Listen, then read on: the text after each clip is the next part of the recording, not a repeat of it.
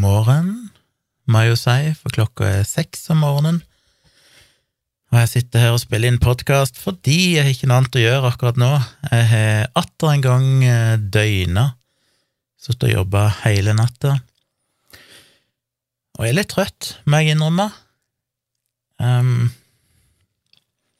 hvorfor sitter jeg oppe hele natta? Jo, fordi i den jobben jeg har, der jeg jobber som programmerer, blant annet, i et IT-selskap, så er det enkelte ting som en må gjøre på natta, fordi jeg er ja, dilla litt med noen tekniske utfordringer, og så er det vanskelig å teste ut løsninger på dagtid, for da kan du jo Hvis det går galt, så er det ikke så bra.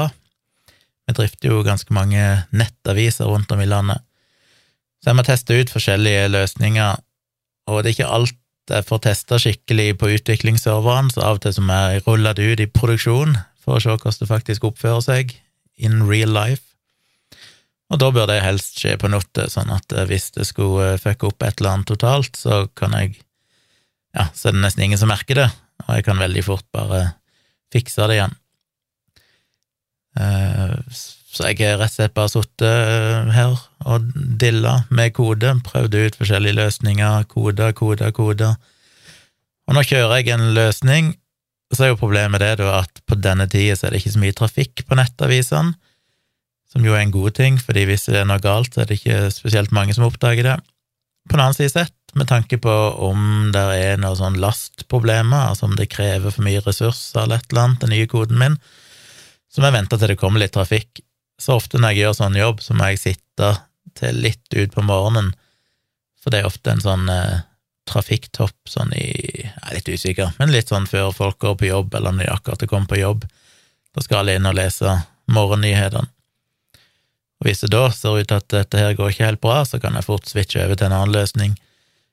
Så jeg sitter egentlig her nå, har litt dødtid, for nå har jeg vel egentlig gjort det jeg kan gjøre, men klokka er som sagt seks, og det er vel en god time ennå til det begynner å bli skikkelig trafikk. Så jeg får sitte litt her, så tenkte jeg da kan jeg jo spille inn podkast. Skulle egentlig gjort det tidligere, egentlig før jeg begynte å jobbe, men så ble klokka mye, jeg måtte bare komme i gang, så tenkte jeg podkasten må jeg faktisk nedprioritere. Men nå kommer det en slags episode. Hva nå enn jeg ender opp med her i dag, det, det vil tiden vise. Så jeg må innrømme at det, det På en måte liker jeg nattarbeid. Det er fint å kunne sitte i ro og fred, det kommer ingen supportmailer, det kommer ingen, ingen som forstyrrer. På den annen side så blir jeg litt irritert, fordi nå har jeg sittet ganske lang tid de siste ja, egentlig de siste tre ukene. Nesten fire uker, så har det gått veldig mye tid til ting, for vi har gjort en del oppgraderinger, og da blir det alltid litt småpirk i ettertid. Og så har jeg jo egentlig lyst til å drive med andre ting. Det ender jo opp med at jeg sitter her langt mer enn det jeg egentlig skal, sånn timemessig fordi ting må bare bli gjort, det er ikke så mye valg. Men det går jo på bekostning av alt annet, så derfor får jeg ikke jobba noe med video, jeg får ikke skrevet noen bloggpost, jeg får ikke gjort noen ting. Eneste jeg prøver å holde kontinuiteten i, er jo podkastepisoder, og stort sett livestreams. Neste uke så faller det jo litt bort, og blir det kanskje utsatt, uh, for å se om jeg ja, Kanskje det ikke blir noen uh, podkast neste uke, jeg må, jeg må se hva jeg får til, for jeg reiser jo vekk ganske mye. Kanskje jeg skulle prøvd en variant der jeg tar med meg en eller annen dings å spille inn med, så kan jeg spille inn en sånn versjon med dårlig lyd. Nei, det liker jeg ikke. Men ja, vi får se hva som skjer neste uke. Livestreams blir da dårlig med. Fordi, som jeg sa sist, så skal jeg jo reise opp til Sortland og holde foredrag onsdag kveld, men det betyr at jeg blir vekke fra tirsdag til fredag. For det er lang reise, jeg må overnatte her og der. Altså det, ja. Så hvis dere er i Sortland, som sagt, på onsdag nå førstkommende, 23. februar, så eh, er det bare å møte opp på Kulturhuset klokka seks, få med dere et foredrag. Det var veldig kult. Så det skjer mye, men det er jo litt av grunnen til at jeg stresser litt nå med at jeg må helst få ferdig de her tingene her, for jeg vil helst at ting skal kjøre fint og stabilt før jeg reiser av gårde, så jeg slipper å bekymre meg over det mens jeg er på reise. Så det har jeg gjort. Ellers så, så noterte jeg meg her forleden dag et punkt, men jeg tenkte det kan jeg snakke om i podkasten, og det var rett og slett hvorfor liker vi musikk? Dette blir en Dette er jo ikke relatert til noen ting som helst, men det er jo et sånt spørsmål jeg tenker på i ny og ne. Jeg håper dere har tenkt på det. Hvis ikke, så er det på tide.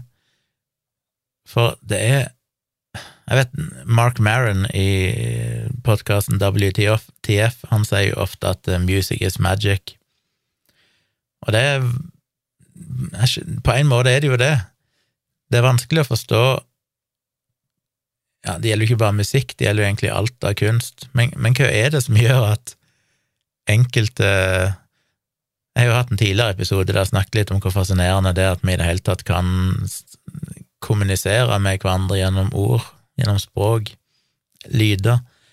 Det at vi i praksis gjennomfører tankeoverføring. Du har en tanke i hjernen din, og gjennom å trigge bevegelse i muskler og tunge og lepper og lunge og eller mellomgulv, strupehode, alt dette her, som manipulerer med luftmolekyler, sånn at de går gjennom lufta og treffer trommehinna til et annet menneske, som blir konvertert til elektriske signaler som går inn i hjernen, og så kan de få samme tanken som jeg hadde. Jeg kan beskrive en farge eller et bilde med farger, og så kan de se dette basert på at jeg manipulerer luftmolekylene.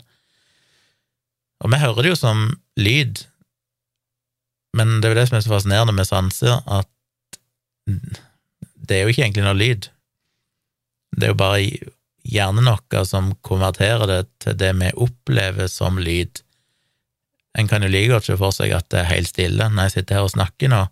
Det eneste som skjer, er at det er luftmolekyler som begynner å vibrere, og ja, vi har trommehinner, og de blir satt i vibrasjon. Men det er jo ikke noe Altså, det, det, du hører når du hører stemmen min, er jo ikke er jo ikke der, på en måte, like lite som fargen rød er fargen rød, anten i hodet ditt. Det er jo bare en bølgelengde av lys. Den har jo ikke en farge, det er jo bare vi som tolker den som en farge. Forhåpentligvis så tolker man den som samme fargen, det vet vi jo heller ikke. Men det er jo fascinerende. Så det, det er fascinerende nok at vi kan si, kommunisere gjennom språk, men musikk er liksom magisk, fordi det er vanskelig å forstå at den kombinasjonen av rytme og forskjellige frekvenser kan gi så mye glede. Hvorfor gjør det det?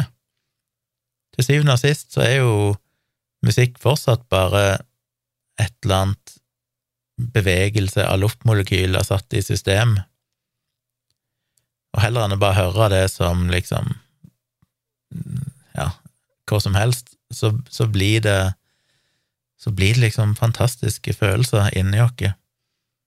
Hvorfor hører vi en beat, en trommegruv, og så får du lyst til å danse? Det er så usaklig. Hva er det gjennom evolusjonen som har gjort at musikk skal høres fint ut, eller at kunst skal se bra ut. Det må vel være noe eh, En kan på en måte forstå at du kan synes at et bilde av, for min del da, som heterofil mann, en vakker kvinnekropp, skal trigge gode følelser, fordi det kan en forstå har en evolusjonær fordel. Du skal bli tiltrukket, du skal få lyst til å forplante deg Kanskje en òg kan tenke det samme rundt å se et bilde av et fint landskap. Kanskje det har vært evolusjonsmessig nyttig, fordi at det gir inntrykk av at det er frodig, at det er mat å finne, at det har vært fornuftig at vi sånn gjennom evolusjon har lært dere at det er noe vi skal like, grønne enger og frodige tre og vann og alt mulig sånn. Men det er jo så mye annet vi kan jo synes eh, helt abstrakt kunst er fint. Vi kan synes eh, bilder av noe som er helt moderne, som har eksistert altfor kort tid til at det kan ha oppstått noe gjennom evolusjon. Bilder av eh, arkitektur, by, et eller annet sånt. Hvorfor er det fint? Hvorfor setter vi pris på det? Jeg vil jo tippe at det er noe som følger litt med i kjølvannet av at det er andre ting vi syns er fint, som er kanskje mer forståelige, og så er det bare trigger disse tingene, de samme mekanismene i hjernen. uten at det nødvendigvis er noen grunn til det. Men hva er det med musikk, da? Hva er det som Hva er det som gjør at musikk skal være fint? Det syns jeg er helt uforståelig.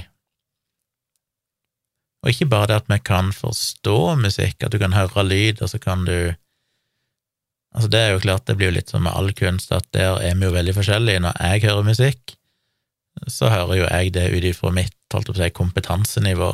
Jeg spiller de fleste instrumenter, jeg har arrangert musikk, jeg forstår litt om musikkteori og arrangement, og hvordan lyder blir til, og hvordan lyder blir spilt inn og igjen reprodusert, alt dette her, og det er klart det skaper bilder i hodet mitt.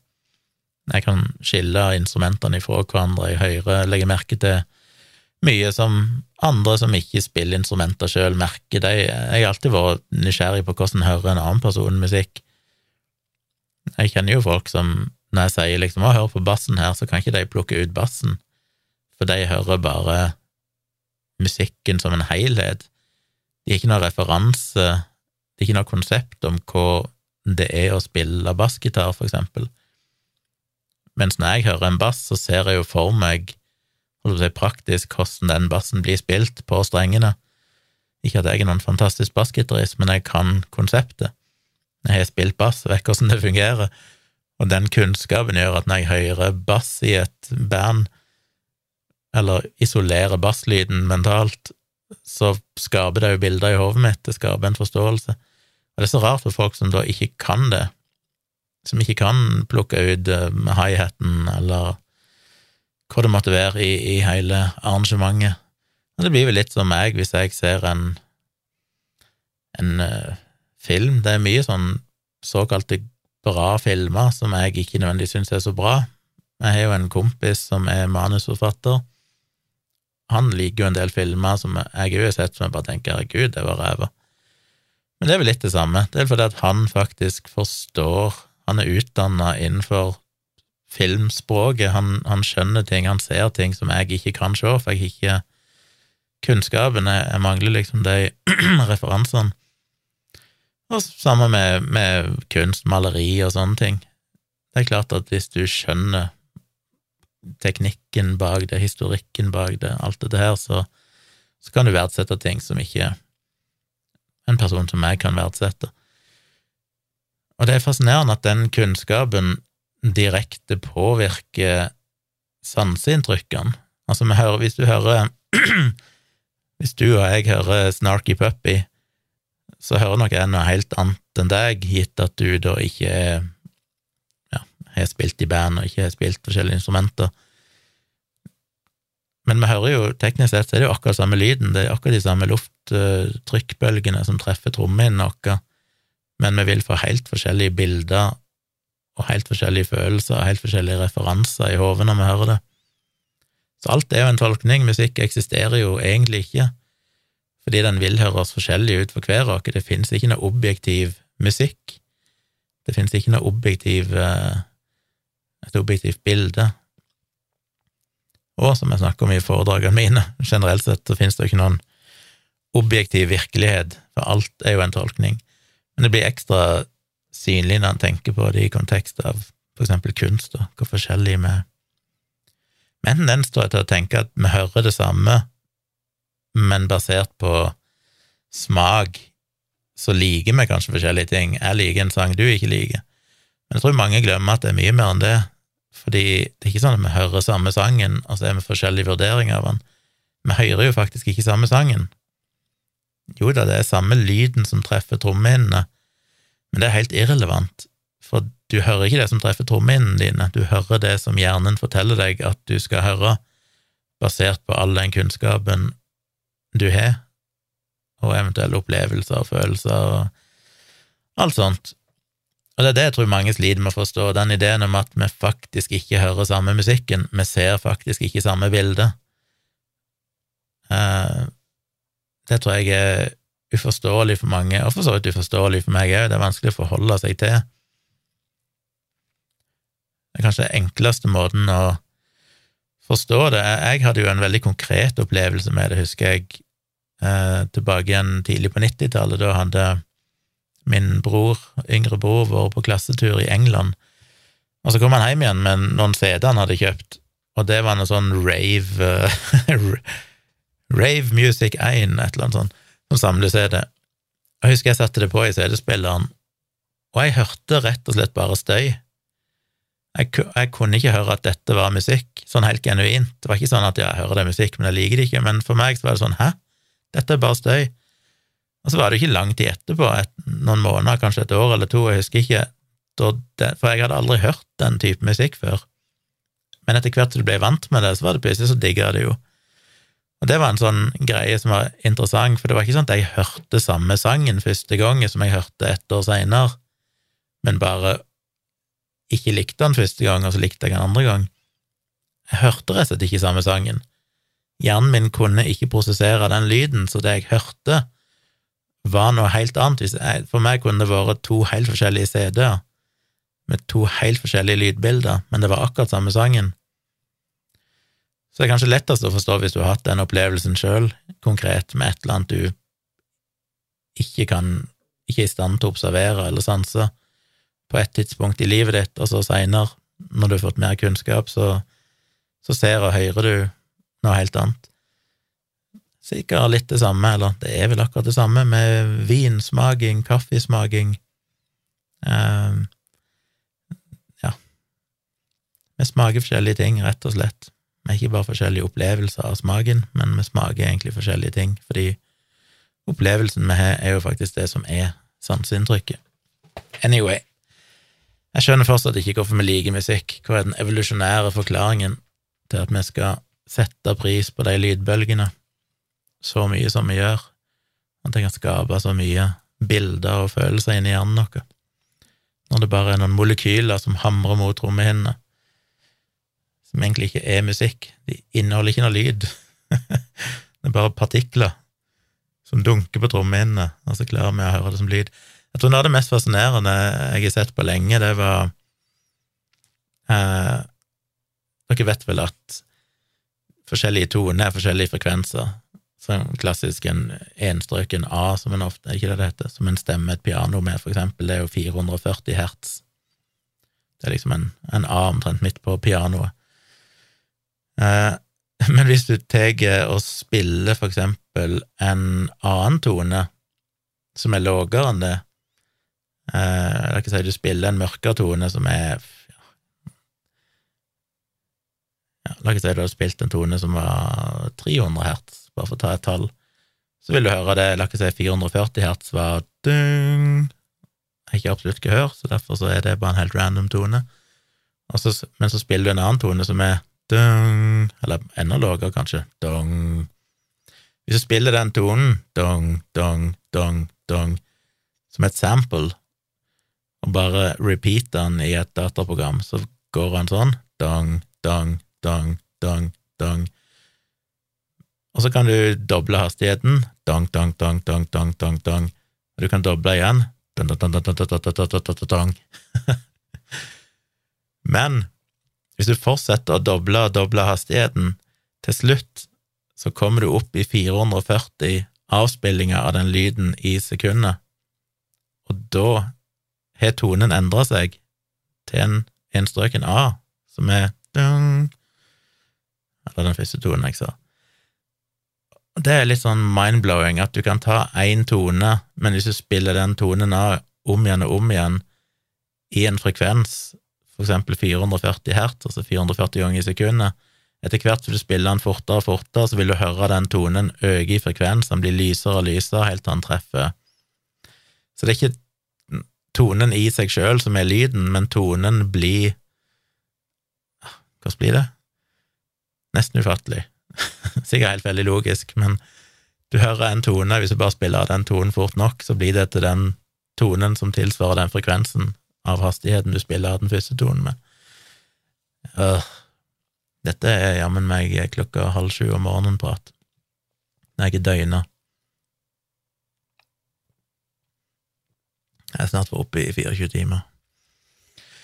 Fordi jeg var oppe relativt tidlig i går, Eh, jeg måtte av gårde til Tesla, fordi omsider skal jeg få oppgradert skjermen på min, eller på Okka, Tesla Model S som vi kjøpte der i fjor. Vi kjøpte jo en brukt Tesla fra 2017, og den er en veldig treig eh, skjerm. Så den bestemte meg tidlig for at jeg ville bruke litt penger på å oppgradere, og jeg har prøvd på det siden september, booka time etter time, det blir alltid utsatt, først i Oslo, og så flytta vi jo her til, og så har jeg booka i Kristiansand. Men de får alle inn delene. Hver gang så er det sånn nei, sorry, vi har ikke fått delene ennå, vi må vente, prøve gjennom en måned. Men endelig så hadde de fått delene, og jeg fikk time, så jeg kjørte inn med den i går. Parkerte den hos Tesla, inn på, ute på, i Sørlandsparken, men det er såpass tidlig at eh, Sørlandssenter sånn ikke åpner ennå, så eneste plassen som er åpen, er jo McDonald's. Eh, så jeg gikk og satte meg der med en kopp kaffe og laptopen og satt og jobba. Og eh, satt på McDonald's og programmerte. Det er alltid trivelig. Og så etter en fire timers tid så fikk jeg melding om at de nok ikke ble ferdig i dag, så jeg måtte hente en lånebil. Og det var litt surt, så jeg håper de blir ferdig i dag, da, fredag. Dette var på torsdag jeg var inne med bilen. For jeg gleder meg så til å få oppgradert og se hvor mye bedre alt blir. så vi har jo en Tesla Model S, men jeg fikk jo en Model X som lånebil, og det var jo litt interessant å prøve det. Hadde jo litt panikk når jeg, skulle, når jeg fikk nøkkelen, var sånn Jesus, vet jeg hvordan jeg skal bruke denne her? Men heldigvis var det en litt eldre modell, så han var ganske lik vår. Samme ja, egentlig identisk med bilen min innvendig, men Model X-en har jo denne her vingedørene som går oppover, som en eller annen ja, ja, holdt på å si futuristisk bil, men egentlig så er det ganske 80-talls på mange måter. Så da står det en Model X på utsida her, som jeg håper jeg får kjørt tilbake igjen i dag og hente min egen bil. Det er surt hvis ikke de blir ferdig i dag og kanskje må vente til over helgen. Det er ikke komfortabel med, ikke ha, med å ha en annen bil her. Jeg tror nesten ikke bruker den. Så det kan jo skje i dag, at jeg får oppgradert bil som jeg har venta på nå i over et halvt år, og det blir herlig.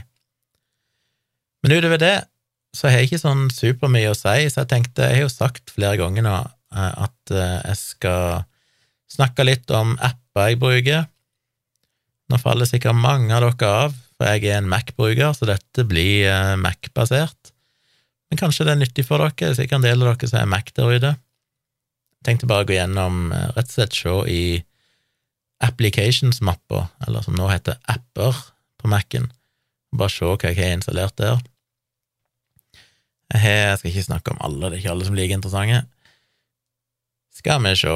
Jeg kjøpte nylig lisens på Z-app, S-E-T-A-P-P, som er en sånn bundle så du egentlig ikke betaler en månedlig lisens, og så i den så får du tilgang til et tonn med andre apper.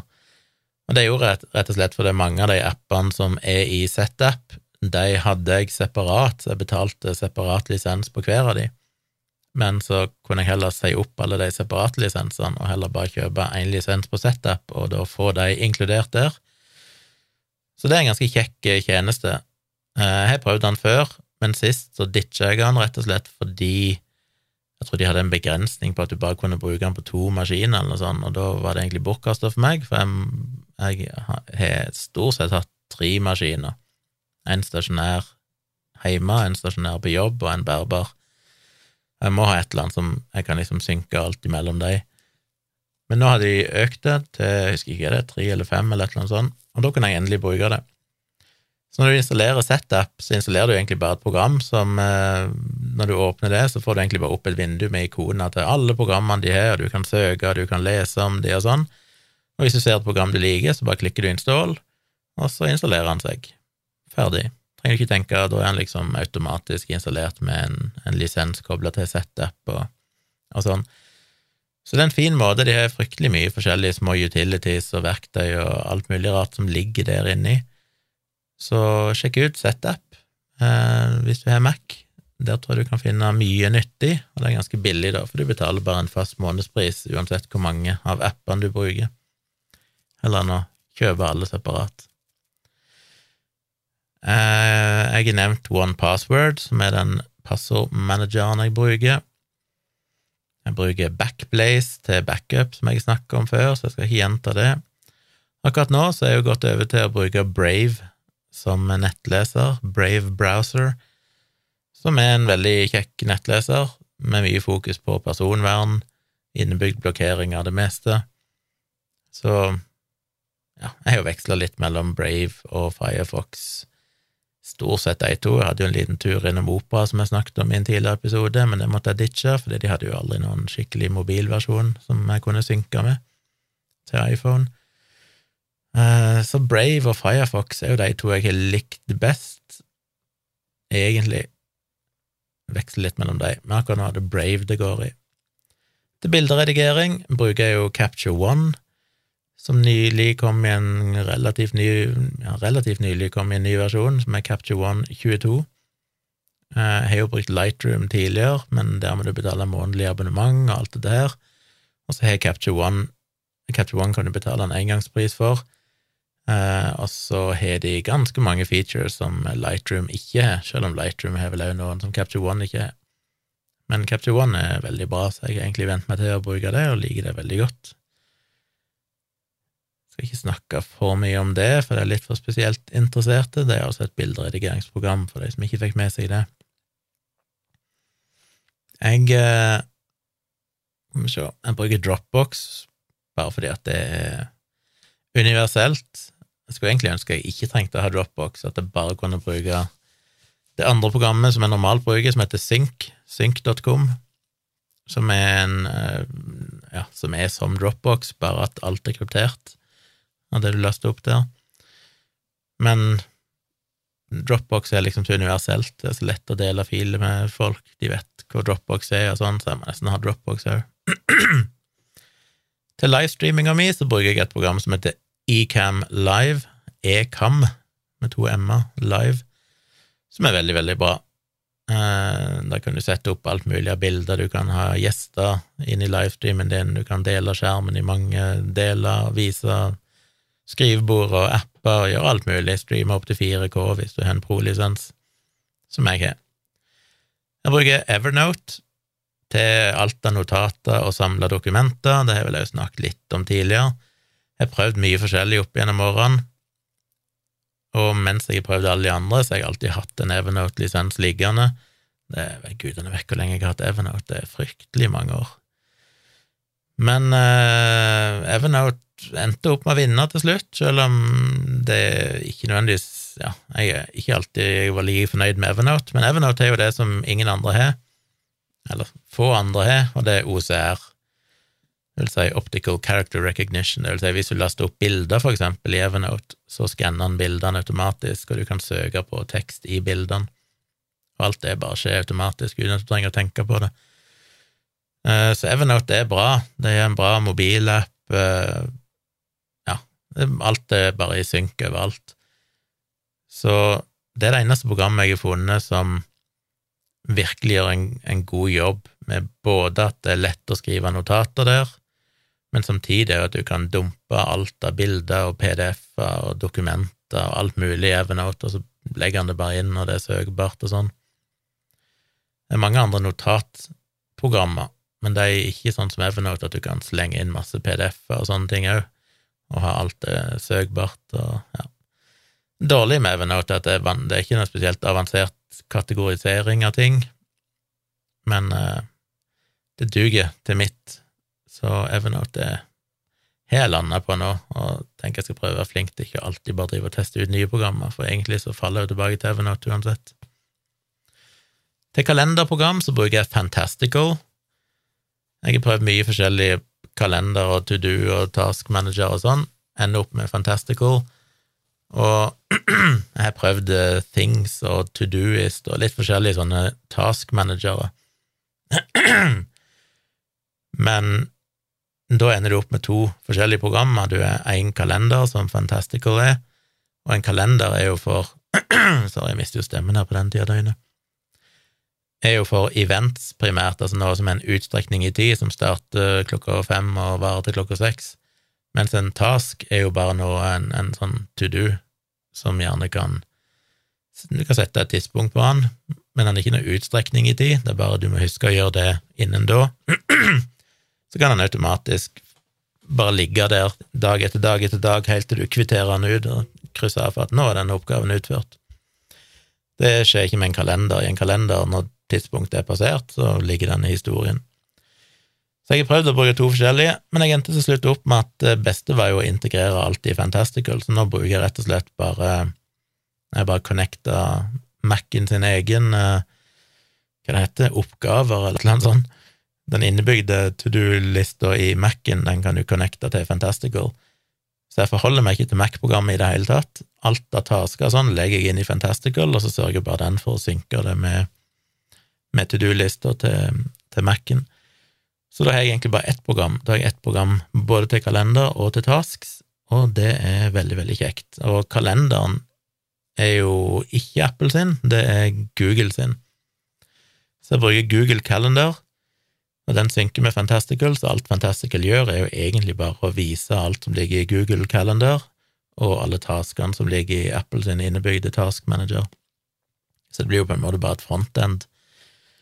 Uh, og jeg har prøvd mye forskjellige kalendere, sånn òg opp gjennom tidene, altså på servere, eller nett, på nettlesere. Webbasert heter det vel. Men problemet med alle andre er at du kan aldri dele tasker, du kan ikke dele, eller dele kalendere sånn med andre, fordi da må de være en bruker på det samme systemet. Det er jo egentlig bare Google som funker, fordi at alle har en Google-bruker. Så hvis du har en Google-kalender, så kan du lett legge til andre på samme kalenderen og sånn. La folk få tilgang til å se dine kalendere mens alle andre kalendere så funker jo egentlig ikke det, for da må de være bruker. Jeg har brukt en del sånne e-posttjenester som gjerne inneholder både kalender og kontaktlister og litt sånne ting. Eh, og så skal de så være krypterte og alt mulig sånn. Men det nytter jo ikke, fordi eh, da må jeg jo kjøpe gjerne en ekstra bruker for de personene som òg skal ha tilgang til samme kalenderen, eller deler av kalenderen. Så det blir Google Calendar, som er liksom kjernen i alt siden den er noe alle kan ha tilgang til. Til videoredigering bruker jeg Final Cut Pro. Ikke så spennende. Jeg har gått tilbake igjen til å bruke den appen jeg snakket om tidligere, som heter Frants, som er en sånn app der du kan ha både WhatsApp og Slack og Discord og Facebook Messenger og Instagram og, og mange ting. Eh, så den integrerer alle sånne chattefunksjoner og sånn i én app. Så da kan jeg ha ett vindu, og så er jeg bare ikonene nede på venstre side med WhatsApp og Slack og Discord og sånn. Så det er bare å klikke på dem og skifte mellom de forskjellige chattetjenestene. Og det jeg liker med Frans, er at hvis du Det er veldig billig, det koster noen få kroner, så kan du få en sånn livstidslisens. Og da synker han òg på en server, sånn at hvis du installerer Frans på en annen maskin og bare logger inn med samme brukernavn og passord, så får du opp de samme tjenestene der. Du må riktignok logge inn på nytt på alle tjenestene på den nye maskinen, men du slipper å drive og sette opp ting på forskjellige plasser. Så Frans er en ganske så kjekk app akkurat til det. Til podkastinnspilling så bruker jeg Hindenburg. Hindenburg. Jeg tror de bare heter Hindenburg Pro nå. Den lisensen jeg ikke har før, heter det Hindenburg Journalist. Et litt rart program jeg kom over. Altså, det finnes jo mange lydredigeringsprogrammer, de fleste bruker jo noe mer avansert, men, men eh, Hindenburg har eksistert lenge, og er et program som er spesiallaga nettopp for å lage radioprogrammer og podkaster, og litt andre ting. Det finnes forskjellige versjoner det til forskjellige formål, men den Hindenburg Pro eh, har liksom en veldig enkel måte å jobbe på. Slippe å forholde deg til masse dilldall, du bare spiller inn, og så er det enkel redigering, og så han har innebygd sånne kjekke ting som jeg liker, at han eh, automatisk sørger for at lydnivået på det du eksporterer, er i henhold til en eller annen standard. Jeg har ikke valgt en sånn europeisk eh, broadcasting-standard som normaliserer alt til minus 16 LUFS, som er standarden. Og da er jeg ganske sikker på at alle episodene mine som dere hører, vil ha samme lydnivå, samme volum. Så han gjør en del sånne ting automatisk, og er veldig kjekk, så sjekk ut Hindenburg. Ikke så billig, dessverre. Det koster noen kroner, men, uh, jeg syns det er verdt det. Veldig litt. Hvor var vi da? Um, jeg har et program som heter iMazing. Imazing med liten i og stor M, iMazing, som er en sånn hvis du trenger å grave i iPhonen din, så kan du laste ned det, eller kjøpe det. Det koster vel noen kroner, det òg. Det er jo egentlig sånn at når du installerer det, så kan du enten med kabel eller trådløs connecte iPhonen din til den, og da får den tilgang til alt mulig, så du kan se filer og administrere ting på mobilen din og ta backuper og ja, hente ut ting av backuper og gjøre alt mulig rart som du vanskelig kan gjøre eh, på, direkte på telefonen, ting du kanskje ikke har tilgang til på telefonen, men som du kan gjøre via iMazing. Så den er eh, ikke ofte jeg bruker den, faktisk veldig sjelden, men det har vært det er sånn program som når du trenger den fordi du har fucka opp et eller annet på telefonen din, du har bricka telefonen og må få resatt den helt, eh, så kommer den plutselig veldig godt med. Så derfor har jeg den liggende. Til terminal så bruker jeg iTerm. Uh, Windows, nei, alle, ja, både Windows, men også Mac har jo en innebygd terminal som bare heter på Mac-en heter den bare Terminal. Altså et terminalvindu du kan bruke til å skrive kommandoer og logge inn på andre server og sånne ting. Jeg bruker iTerm fordi den digger jeg. Jeg har satt opp et komplekst oppsett på skjermen min med mange vinduer og mange faner i hvert vindu som automatisk logger inn på all slags forskjellige servere. Så når jeg starter iTerm, så logger han jo inn på ja, gudene vet hvor mange servere på en gang, så alle bare er klare i hver sine vinduer.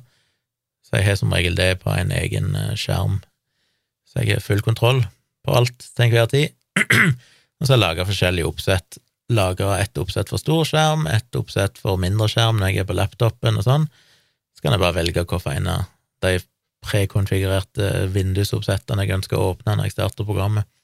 Og det synker òg mot Du kan sette det opp til å synke mot Dropbox, for eksempel, sånn at innstillingene ligger i Dropboxen din. Så hvis du endrer noen innstillinger på én maskin, så kan du velge at de automatisk være tilgjengelige på andre maskiner. Så den har ganske mange fancy features som ikke jeg egentlig bruker så mye av, men den kan gjøre veldig mye fancy hvis du trenger det. Så trenger du et godt terminalprogram, så anbefaler jeg iTerm. Jeg lurer på om det egentlig heter iTerm 2, altså med totall nå. Anyway, uh, hva mer skal jeg snakke om? Jeg investerte jo mye penger, for det er dyrt, men jeg investerte jo i et program som heter Isotope RX8 eller RX7 var det vel først jeg kjøpte, men nå har jeg fått versjon 8. Og det er jo et program som ja, som er liksom brukt av proffene eh, i studio og sånne ting. Det kan gjøre så mye med lyd. Det inneholder en hel haug med små verktøy for å fjerne støy og manipulere lyd på alle mulige måter. Så i starten av en del podkastepisoder så brukte jeg det, men så kjøpte jeg jo noen sånne eksterne fysiske lydbokser istedenfor. En såkalt DBX 286S som jeg kjører lyden gjennom, så jeg kan fikse det meste i hardware allerede før det kom inn i datamaskinen min, heller enn å spille inn rå lyd og så etterpå kjøre på digital prosessering i datamaskinen, for det tar ofte ganske lang tid. Men hvis jeg skulle trenge det, så har jeg Isotope. Den kan fjerne pustelyder, den kan fjerne smatting og alle sånne leppe- og klikkelyder. Jeg gjorde det på noen episoder, men det tar så lang tid at jeg gidder ikke. Dere får heller leve med det hvis dere hører det. Eh, den kan ja, fjerne støy, du kan gå inn og manuelt gjøre nesten alt du vil med lydfilene dine. Men det er dyrt, men det er sånn lifesaver. Den kan til og med redde forvrengt lyd og ja, eh, han kan gjøre alt. Så Isotope med sett Isotope RX8 var det så har jeg jo ja, bruker jo Apple sitt vanlige Office-opplegg med Keynote uh, som ja, Keynote og Pages og Numbers heter de vel, tilsvarer Excel, Word og uh, PowerPoint.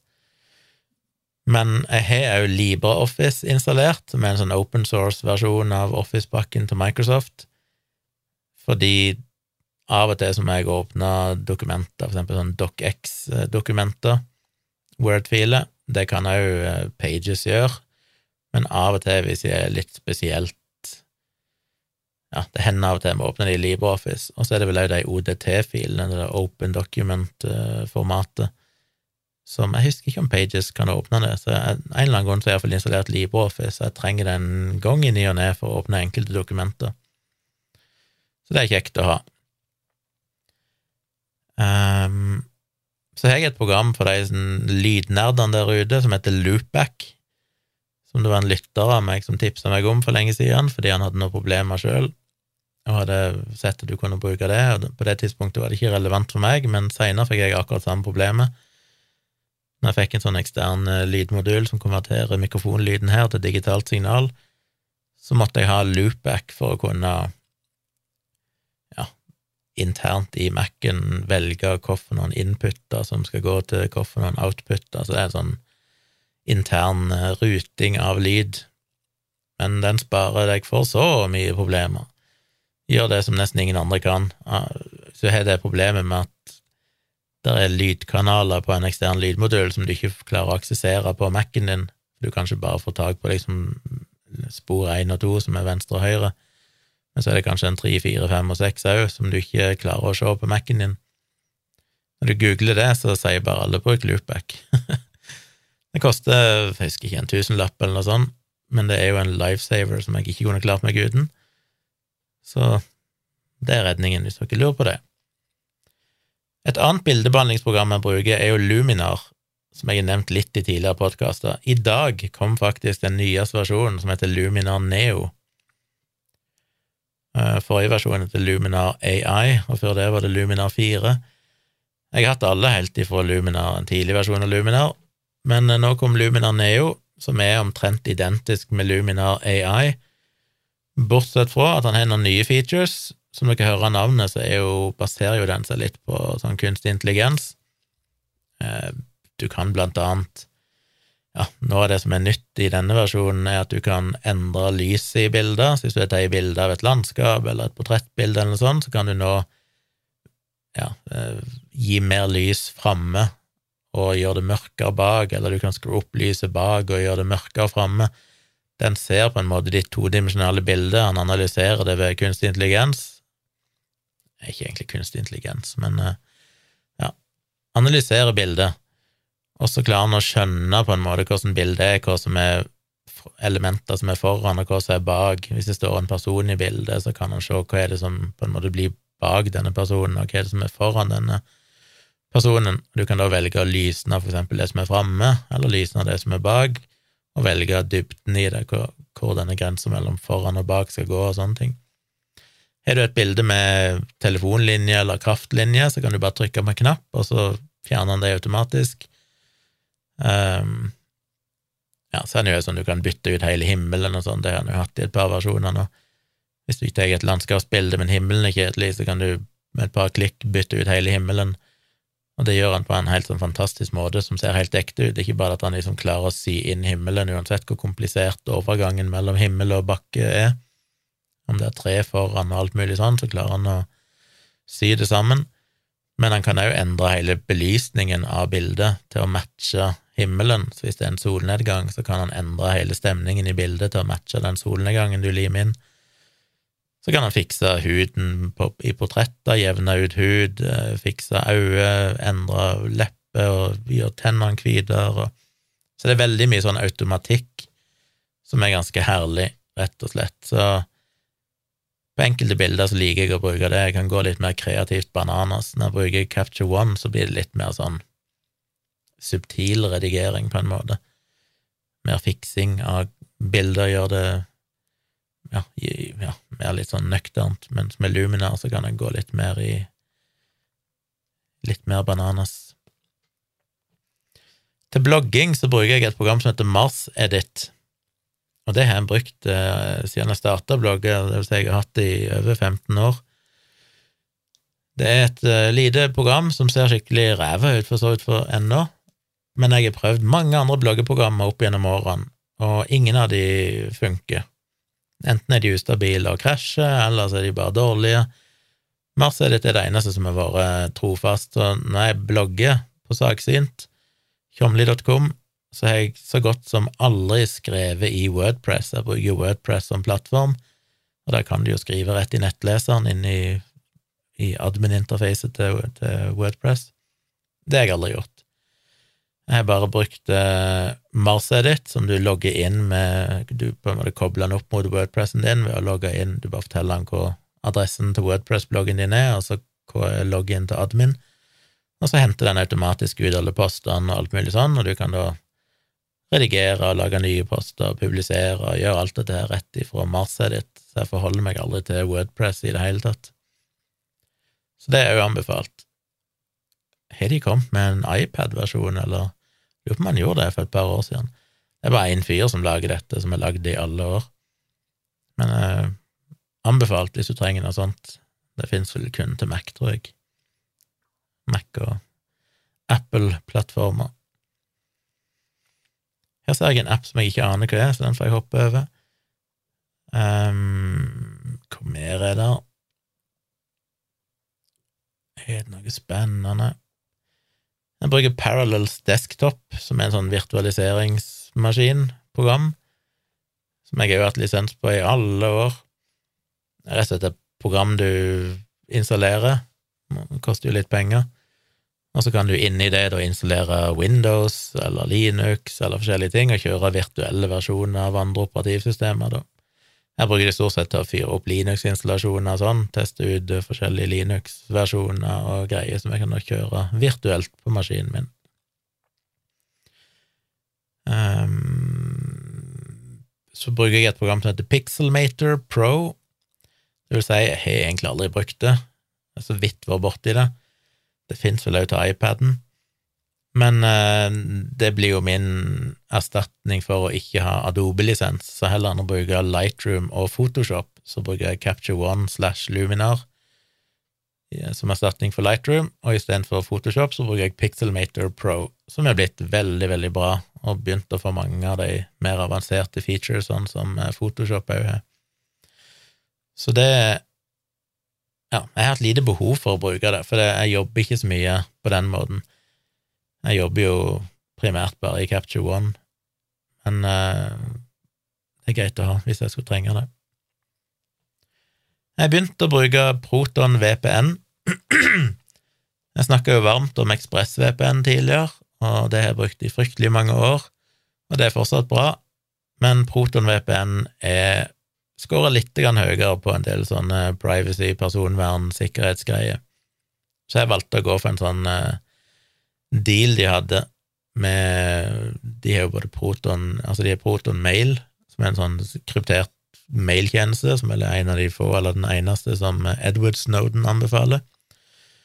Og så har de jo begynt å lage litt andre tjenester, blant annet denne Proton VPN-tjenesten. Så jeg kjøpte vel en sånn bundle der jeg fikk eh, Oppgraderte vel den der Proton-mailen min. Jeg har hatt en sånn gratis Proton-mail-konto og så oppgraderte jeg den nå med Proton VPN. Jeg lurer på om det var en sånn lifetime, eller var det to år, eller et eller annet, til en eller annen pris. Så det funka bra. Den har noen features som ExpressVPN ikke har. Så mangler den noe som ExpressVPN har, så det er jo give and take, men uh, den duger nå, så jeg tenkte jeg skulle prøve det. Jeg tror det ble litt billigere òg enn å ha ExpressVPN. Det nærmer vi oss vel et eller annet her. For de virkelig nerdene blant dere, så bruker jeg òg et program som heter Querious, som jeg eh, er helt fantastisk til å administrere MySQL-databaser via en Mac Mac GUI. Så den bruker jeg til å jobber med programmering og overvåke server og sånne ting. Querious heter den. Det finnes mange andre som sikkert gjør omtrent akkurat det samme, så det er sikkert litt tilfeldig at jeg valgte den, men jeg var veldig fornøyd med den. Jeg ja, Hvis jeg skal være enda mer nerdete, så bruker jeg et program som heter Ja, det var det det programmet jeg ikke husker hva var. Medis. Tidligere jeg brukte et program som heter Red, men det var så buggy at jeg måtte lete etter et alternativ, og så fant jeg Medis. Og det er rett og slett for å administrere Redis-databaser. Veldig nerdete. Så hvis du jobber med Redis, vekk av det og trenger å administrere det via en uh, Mac-klient remotely, så kan du da teste ut Medis, M-E-D-I-S.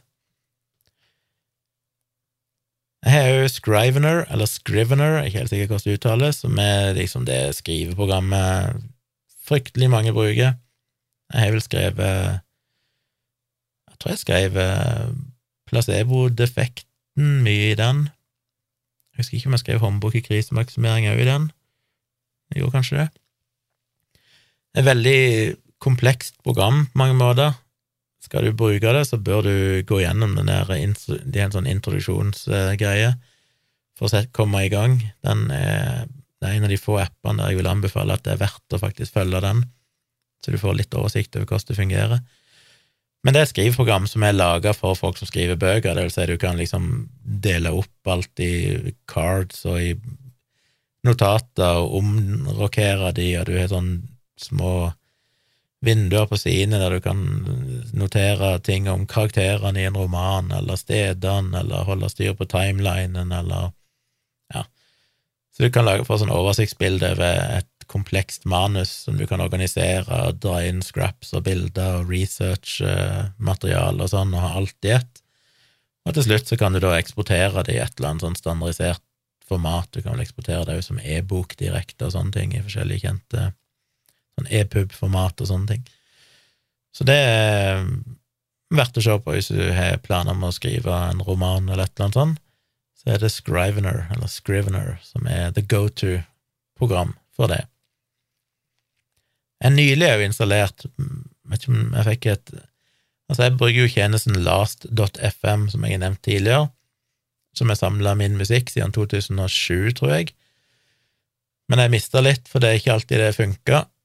Det funka stabilt før i tida, men på Mac-en så har det vært vanskelig å få det til. Og så installerte jeg last.fm sin offisielle Mac-app for skrobling, som det heter. Skrobling er det ordet de bruker på at han analysere musikken du spiller i iTunes eller den nye Apple Music-appen, og så sender han det til last.fm, sånn den holder en oversikt med arkiv over alt du har hørt. Så jeg kan gå tilbake igjen til 2007 og se nesten all musikken jeg har hørt, akkurat når jeg hørte den, og sånne ting, og få ut statistikk på det.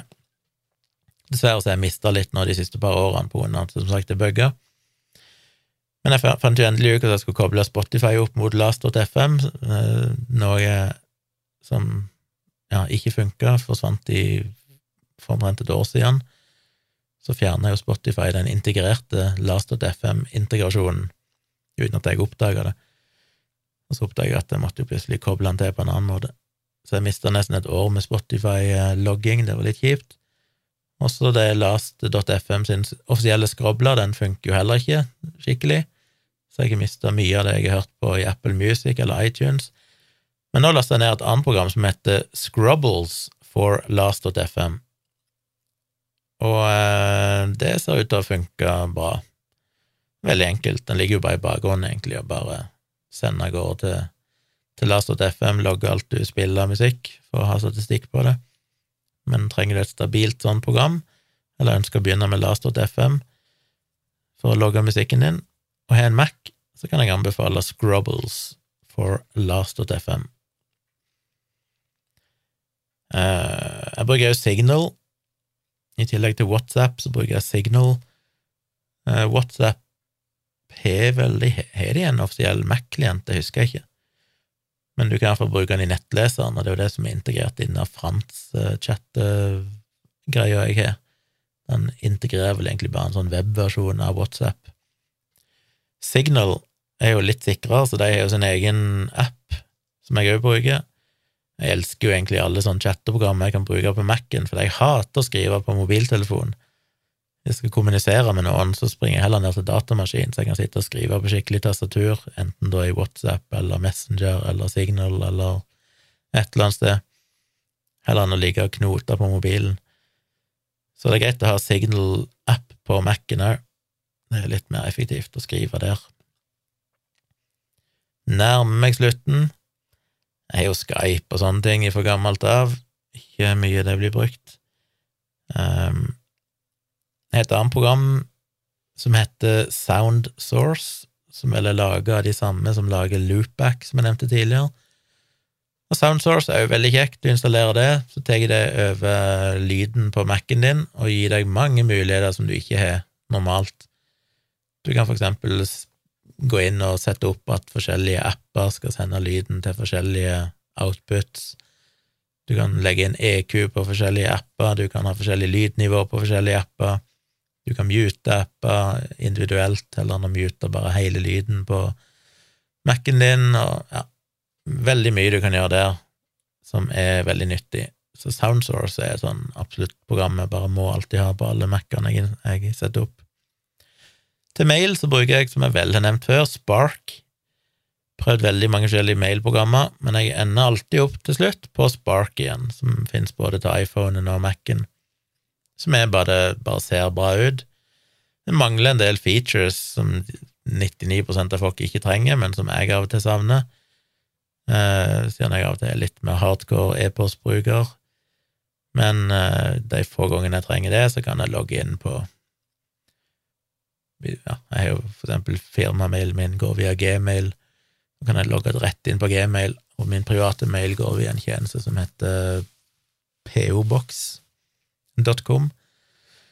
som er en sånn mailtjeneste der jeg den Tjomli-mailen min, og hvis jeg må gjøre et eller annet som ikke Spark kan, så kan jeg heller logge inn der, for eksempel hvis jeg må se sourcen, altså kildekoden til en e-post, eller et eller annet sånt. Så Spark er et anbefalt program så bruker jeg som sagt sync.com som kryptert cloud-tjeneste. Har jeg noe mer da? Jeg bruker Transmit ifra panic.com som FTP-program. Og så bruker jeg Visual Studio Code til å programmere. Og så, ja Det er litt sånn andre småting, men det er ikke så fryktelig interessant, egentlig.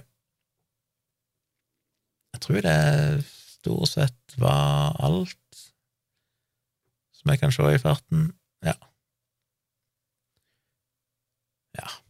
Jeg tror det var det meste. I uh, Her oppe i statusbaren så har jeg òg noen småting. Jeg har jo, uh, som jeg nevnte tidligere, så bruker jeg Kronosync Ekspress til å ta backup mellom maskiner. Du kan sette opp da at han kopierer filer fram og tilbake mellom forskjellige servere eller disker eller maskiner, og sette opp en tidsstyring av det, at han skal kjøre så og så ofte hver dag, hver uke, hver måned, whatever, med ganske sånn avansert eh, avanserte muligheter for hvordan du vil kopiere filer, om du vil filtrere ut filer, om man skal holde ting i synk begge veier, eller bare kopiere fra A til B. Eh, hva som skal trigge en kopiering, hvor mye endringer som må skje, om man skal verifisere filen etter den er kopiert i, og alt mulig sånn. Så Kronosync Express er vel det programmet de fleste anbefaler hvis du trenger en eller annen sånn automatisk kopieringstjeneste. Jeg bruker òg Paste, det er jeg helt avhengig av. Jeg skjønner ikke at ikke folk Jeg skjønner ikke at det fins Jeg tror folk flest lever uten det, men det skjønner ikke jeg er mulig og det er rart at ikke det er integrert i Mac-en ennå. Men det er rett og slett bare en sånn clipboard-manager. Normalt så når du trykker på en Mac da Command C eller Kontroll C på Windows, så kopierer du jo et eller annet, og så kan du lime det inn. Men trykker du Command C igjen, så mister du jo det, det du hadde før, og så blir det istedenfor det nye du kopierer, som ligger i minnet. Så du kan bare ha én ting om gangen med Paste, og det finnes jo andre programmer som gjør det samme, men jeg syns Paste er veldig bra, så har du en komplett historikk. Du kan velge om man skal lagre det i uke eller en måned eller et år eller for alltid. Så alt du noen gang kopierer, blir liggende i en sånn oversikt som du får opp nederst på skjermen, og så kan du da bla deg gjennom og søke og finne gamle ting du har kopiert, og den kan òg synke mellom alle maskinene dine. Den kan òg synke med iPhonen. Det er fantastisk. Eh, du kan kategorisere det, og hvis det er ting du har kopiert som du vil spare på, så kan du legge det inn i mappa og hente det fram seinere og sånn. Jeg bare skjønner ikke, for jeg må jo hele tida, spesielt når jeg programmerer, så må jeg ofte kopiere mange ting, altså må jeg drive og lime inn forskjellige ting på forskjellige steder. Så jeg må drive og sjonglere mellom mange ting jeg liksom kopiert, uten at jeg må gå tilbake igjen og kopiere det på nytt hele tida. Så paste er jo helt uunnværlig. Jeg bruker òg iStat uh, Hva heter det? iStat uh, iStat Menus heter det. iStat Menus, som er jo sånn nerdeprogram som når du installerer det, så får du Det følger vel òg med denne setup-pakken, blant annet. Da får, kan du ha masse sånne ting i menyen på toppen som viser CPU-bruk og diskbruk og minne og hvor mye batteri som er igjen på alt mulig rart. og Alt mulig sånn teknisk informasjon finner du der, men du kan velge sjøl hvor mye den skal vise og sånn, så den bruker jeg. Jeg bruker Clean My Mac, som ligger og kjører i bakgrunnen hele tida, og som jeg fyrer opp av og til, som da skanner gjennom maskinen og sletter som regel noen gigabyte med junk, enten det er loggfiler og ting som rester etter programmer du har avinstallert som ikke er blitt helt avinstallert og sånne ting. Men den kan òg avinstallere ting skikkelig, den kan skanne etter malware, den kan uh, vise deg innholdet på disken, hvilken mapper som bruker mest diskplass, og hvor, ja, alt mulig rart. Jeg syns den er veldig nyttig. Så Clean My Mac har jeg brukt i mange år, det er en sånn kjapp måte å bare holde maskinen litt uh, up to date. Og så var det noe mer da, tru? Mm, nei, jeg tror ikke det var noe mer. Jeg tror det var stort sett alt. Har du spørsmål til noe av det, så send meg en mail på tompratpodkast.gmail.com. Dette ble en litt spesiell episode, grunnet omstendighetene, men jeg skal prøve å være tilbake til normalen etter hvert. Kanskje ikke neste uke, som sagt, ettersom jeg eh, kanskje er vekkreist og ikke får spilt inn så mye podkast. Men det ble en episode for de spesielt interesserte. Hvis du har tips til programmer som jeg burde sjekke ut, eller alternativer til noe av det jeg snakker om som du mener er bedre, send det til tompratpodkast.gmail.com. Meg og Tone kjører nok en eh, livestream i kveld, altså fredag kveld, 18. februar. Da blir det en Ærlig talt for første gang på lenge. Så join dere gjerne inn på YouTube, enten på Tone Sabro. Sjekk ut, Hun har lagt ut ny video òg om sin nye ryggtatovering. Dekka hele ryggen hennes. Så sjekk ut den videoen hvis du har lyst. Og du kan jo se livestreamen der, eller på min kanal, tvilsomt, med Tjomli. Eller på Facebook, den pleier å streames der òg. Tror det var alt. Nå må jeg tilbake til jobb. Nå er klokka litt over sju, og da begynner ting å nærme seg Ja, det begynner å komme litt trafikk, så da må jeg sjekke at alt er i orden her. Så eh, husk at eh, denne episoden, og alle episodene mine, kommer reklamefrie og litt før normalen inne på min Patrion, på patron.com slash tjomli. Veldig hyggelig om dere støtter meg der. Da får dere som sagt eh, tidlig og reklamefri podkast og litt andre ting.